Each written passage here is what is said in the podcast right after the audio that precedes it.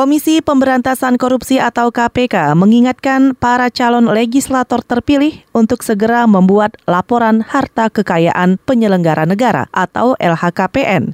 Juru bicara KPK, Febri Diansah menyebut peraturan tersebut sesuai yang tertuang dalam Peraturan Komisi Pemilihan Umum tentang pencalonan anggota DPR, DPRD Provinsi, dan DPRD Kabupaten Kota agar eh, calon anggota legislatif terpilih DPR, DPD, dan DPRD itu mereka wajib melaporkan kekayaannya pada KPK paling lama tujuh hari setelah uh, proses pengumuman itu, maka uh, KPK mengingatkan sekaligus sudah mempersiapkan semua fasilitas yang dibutuhkan uh, agar para caleg terpilih tersebut bisa segera melaporkan kekayaannya. Juru bicara KPK Febri Diansah menambahkan, KPK memfasilitasi selama tujuh hari penuh pada 22 hingga 29 Mei 2019 selama jam kerja untuk pelaporan LHKPN. Selain itu, caleg terpilih juga dapat melapor sepanjang 24 jam penuh melalui laman daring KPK.